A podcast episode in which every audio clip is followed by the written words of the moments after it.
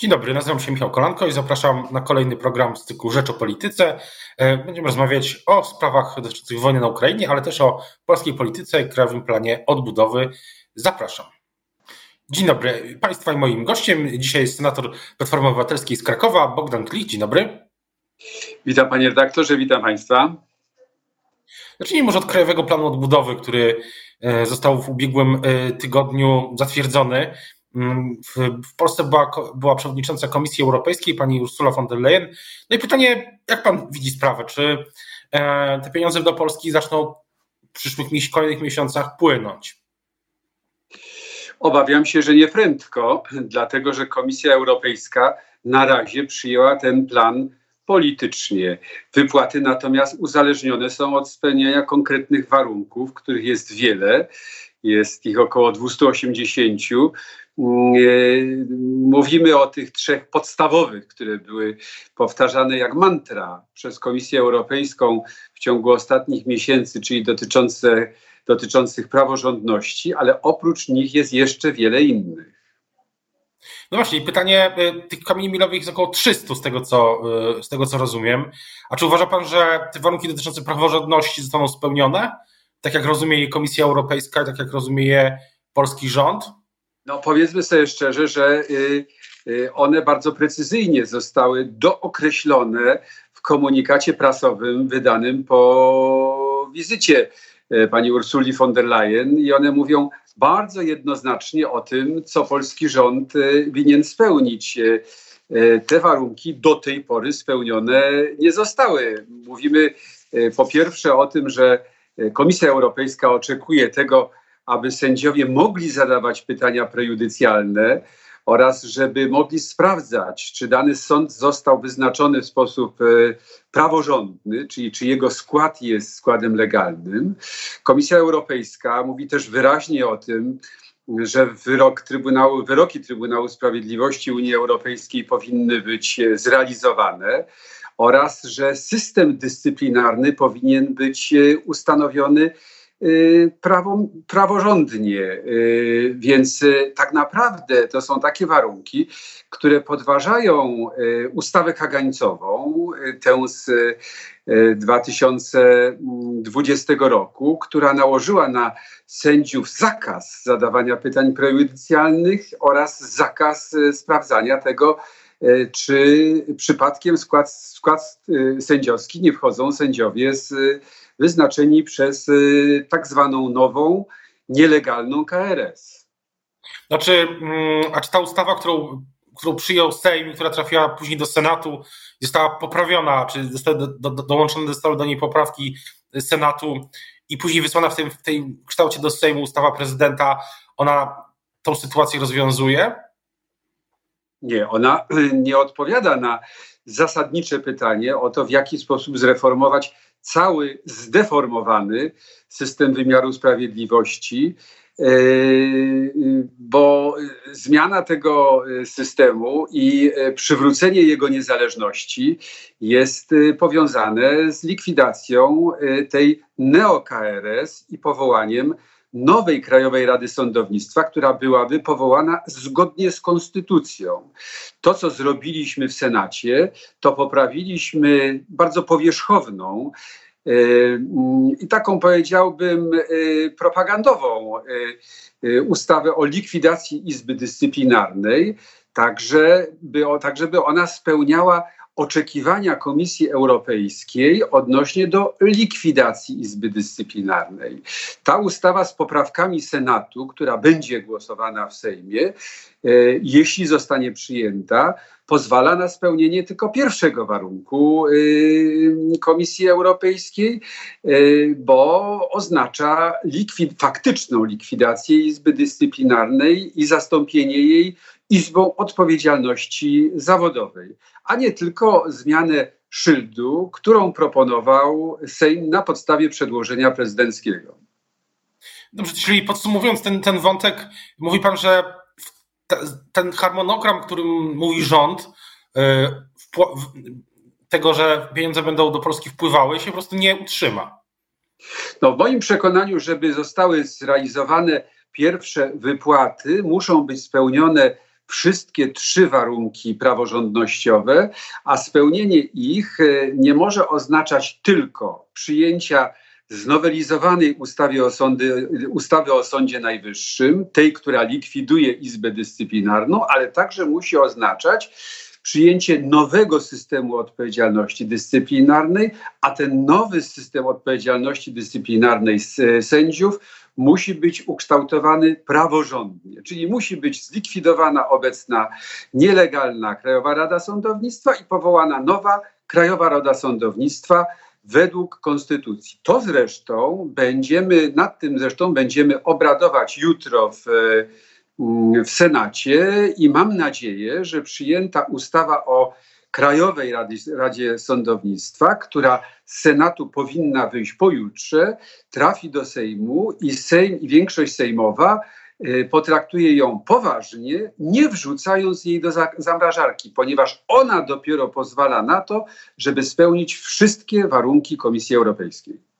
Natomiast y, pytanie jest y, ogólnie, jak sądzi, tak z Pana też doświadczenia politycznego, czy ta sprawa, o której rozmawiamy dzisiaj, te wypłaty tych funduszy, E, zostawmy na chwilę ich znaczenie mm, dla gospodarki, to jest jasne. Natomiast e, jakie jest znaczenie polityczne tej, tej całej dyskusji? Też w kontekście no, tej trwającej już takiej kampanii wyborczej w zasadzie. E, widzę, widzę polityków Platformy w terenie, pana, pana również poprzez media społecznościowe. Widzę polityków Prawa i Sprawiedliwości też w terenie. Co, co to, czy ludzie pytają pana o te środki? To jest jeden z najczęściej poruszanych tematów, dlatego że Polacy czekają na te środki. Te środki już dawno powinny być w Polsce. Ludzie pytają o to, dlaczego na przykład y, Polska jako jeden z nielicznych krajów Unii Europejskiej nie dostała w zeszłym roku 4 miliardów 700 milionów euro zaliczki. Y, no nie dostała, dlatego że rząd PiSu się po te pieniądze nie pochylił. Wolał w wewnętrznych y, sporach z z partią y, ministra Ziobry, y, wolał zastanawiać się nad wewnętrznymi przetasowaniami, a tymczasem te środki były w zasięgu ręki. Ludzie pytają także o to, no dobrze, ale kiedy dostaniemy kolejne środki z KPO? No i bo one są potrzebne jak powietrze. E, odpowiadam wtedy, no wtedy, kiedy e, rząd e, PiSu wreszcie zacznie kierować się interesem narodowym Polaków, a nie własnymi interesami partyjnymi. Wtedy, kiedy wreszcie zacznie troszczyć się o to, aby w Polsce ograniczać inflację, a nie bronić e, mm, bezkarności swoich urzędników, e, czemu służyła deforma systemu wymiaru sprawiedliwości. E, no i wreszcie odpowiadam, że opozycja jest gotowa do tego, żeby wszystkie te korzystne zmiany poprzeć, bo polskiemu, polskiej ochronie zdrowia, polskiej gospodarce, polskiemu szkolnictwu, polskiej opiece społecznej i wreszcie polskim samorządom te y, y, mm, środki z KPO są potrzebne jak tlen. To jest, y, mówi pan, że ludzie o tym mówią, pytają, a czy w szerszym kontekście tych wyborów w przyszłym roku uważa pan, że to jest ważny temat? Tak, będziemy o tym rozmawiać w październiku czy no, jesienią przyszłego roku też? Jak pan to widzi? No, dotychczas środki z Unii Europejskiej e, zapewniały około 1% do 1,5% polskiego budżetu. Sumowane razem z KPO powinny znacznie zwiększyć ten e, udział, ten, ten, ten udział w polskim e, budżecie. Mówi się nawet o 1,8%. To jest bardzo istotny zastrzyk finansowy dla naszej gospodarki. Dlatego trzeba y, sprawdzać, żeby te środki były wydawane nie po uważaniu, tylko na określone y, cele. I dlatego przyglądanie się na, na poziomie poszczególnych regionów, poszczególnych powiatów, poszczególnych gmin, jak są wydawane te środki, jest sprawą Y, absolutnie konieczną. To jest zadanie dla całej opozycji, aby monitorować wydawanie środków z KPO, bez względu na to, czy one przypłyną w drugiej połowie tego roku, czy dopiero z końcem tego roku. One nie mogą być narzędziem kampanii politycznej, one mają być narzędziem odbudowy gospodarki, służby zdrowia, edukacji oraz polskich samorządów. Jeszcze w trochę innym wątku, ale też zapytam o przyszłość. E, czy myśli Pan, że w tym e, przez najbliższe e, miesiące i lata też do wyborów będziemy rozmawiać o wpływie na, na Polskę i na świat wojny na Ukrainie? W tym sensie, czy ona się może skończyć szybko, Pana zdaniem? Obawiam się, że ten konflikt będzie trwał jeszcze długo. Widać to po y, ostatnich bardzo ciężkich walkach y, na łuku donbaskim. Widać, jak Ukraińcy bronią każdej swojej pozycji. Ta rubież y, na łuku donbaskim jest broniona przez najlepsze oddziały ukraińskie, ale równocześnie Rosja po początkowych błędach popełnionych, kardynalnych błędach popełnionych przez dowództwo zdecydowała się skoncentrować swoje siły właśnie w obwodzie ługańskim i w obwodzie donieckim, tak żeby e, doprowadzić jak najszybciej do przełamania pozycji Ukraińców. Na razie nie udaje im się w sposób zasadniczy przełamać tych bohatersko, tej bohatersko bronionej e, rubieży ukraińskiej, ale istnieje cały czas niebezpieczeństwo tego, że Y, wojska ukraińskie znajdą się w y, okrążeniu na wysokości Siewierodoniecka y, i że będą musiały się stamtąd wycofać. W związku z tym zasilanie wojsk ukraińskich jest potrzebą pierwszej kolejności dla Ukraińców samych, ale także dla całej Europy, bo Ukraińcy dzisiaj bronią bezpieczeństwa całej zjednoczonej Unii Europejskiej. No właśnie, ale pytanie, czy też z Pana mm, oglądu sytuacji ta strategia i taktyka, jedno i drugie, taktyka i strategia ukraińska jest słuszna, bo mówi Pan, że mm, tak się wydaje, że, mm, że Ukraińcy uznali, żeby, że nie będą się wycofywać na jakimś, żeby skrócić ten front, tylko y, no, będą bronić każdego kawałka y, swojej ziemi. To jest zrozumiałe, ale czy, czy słuszne?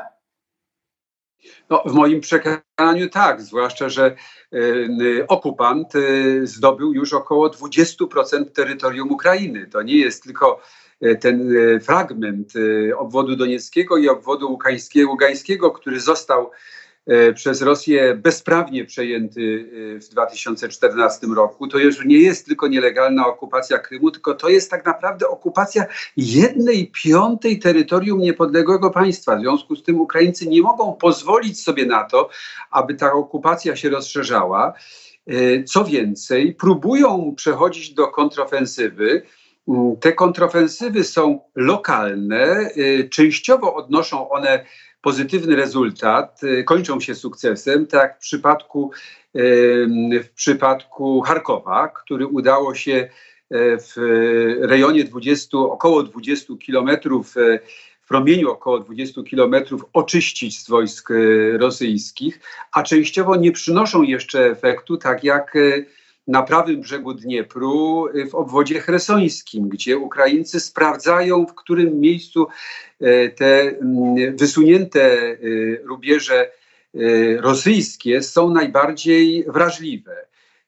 Wierzę w to mocno, że przekazując Ukrainie nowoczesną broń, kraje Zachodu wzmocnią na tyle ich potencjał, że będą oni w stanie przejść do skutecznej kontrofensywy.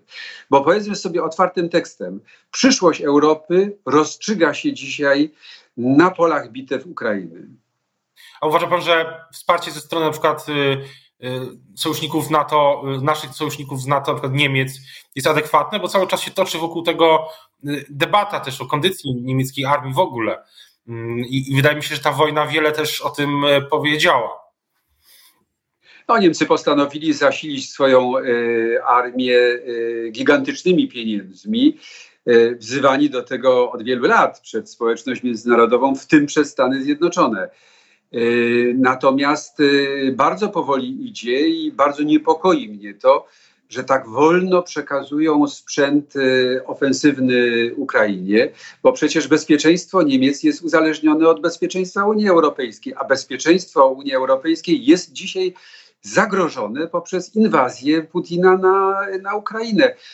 nie rozumiem, dlaczego te zmiany odbywają się tak wolno i nie akceptuję tego zbyt wolnego działania rządu, rządu kanclerza Scholza. Yy, natomiast na tym tle wybijają się takie kraje jak Stany Zjednoczone, Wielka Brytania, Polska i wielu innych sojuszników, które przeszły do trzeciej fazy zasilania Ukraińców w broń. Nie są to już, e, tak jak na początku, indywidualne systemy obrony przeciwlotniczej czy przeciwpancernej. Nie jest to tak w drugiej fazie e, sprzęt poradziecki, taki jak e, S-300, czy czołgi T-72, czy artyleria właśnie pamiętająca jeszcze czasy Układu Warszawskiego, ale są to nowoczesne systemy uzbrojenia, przede wszystkim systemy artyleryjskie, y, produkowane na Zachodzie, które mają dużą, e, duże zasięgi, znacznie większe niż e, poprzednio przekazywane i mogą odgrywać rolę decydującą w tej wojnie, która jest wojną przede wszystkim systemów artyleryjskich. To jest, e, to oczywiście bardzo uważnie śledzimy to, co dzieje się na froncie w Donbasie. Natomiast pytanie jest, chciałbym na koniec jeszcze przejść, wrócić do polskiej polityki i tak zapytać o, o to, co kiedyś niedawno zresztą mówił pan prezes Kośniak-Kamysz, prezes PSL-u, mówi, że, że trzeba porozumienie opozycji zacząć od paktu senackiego, odnowienia paktu senackiego. No i pytam pana jako senatora, jak, jak to z pana perspektywy wygląda? Taka, czy ta propozycja ma polityczny sens, żeby na przykład, jak rozumiem, no, no nie wiem, tak hipotetyzuję teraz, y, w tym roku y, dogadać się co do Senatu, a później dogadywać się co do mm, Sejmu. Co pan na to? Przedmiotem porozumienia musi być i Sejm, i Senat. E, mm, oczywiście, że pakt senacki pokazał swoje pazury, bo dzięki paktowi senackiemu mamy w tej chwili większość, która sprawdza się w każdych zasadniczych rozstrzygnięciach. E, natomiast e, to, żeby odebrać e, władzę szkodnikom, to znaczy rządowi już niezjednoczonej prawicy, trzeba zwycięstwa w wyborach sejmowych. I to, to zjednoczenie opozycji demokratycznej w wyborach sejmowych jest równie ważne, a nawet ważniejsze aniżeli w Senacie. A zatem zjednoczona opozycja musi stworzyć wspólny pakt zarówno sejmowy, jak i senacki i pójść zjednoczona do wyborów e, do Sejmu i do Senatu. To e, o tym, e, o tym będziemy też rozmawiać. Zresztą wkrótce będzie okazja ku temu, bo 11 czerwca ta konferencja przyszłości Polski, jak rozumiem, z udziałem właśnie też przedstawiciela, przez lidera Platformy Donalda Tuska, rozmowa opozycji. Będziemy o tym rozmawiać, tak samo jak o innych wydarzeniach, które się obecnie dzieją. Teraz bardzo już dziękuję za rozmowę Państwa i moim gościem Będą, był dziś Bogdan Klich, senator Platformy Obywatelskiej z Krakowa. Dziękuję bardzo. Dziękuję bardzo. Pozdrawiam Państwa.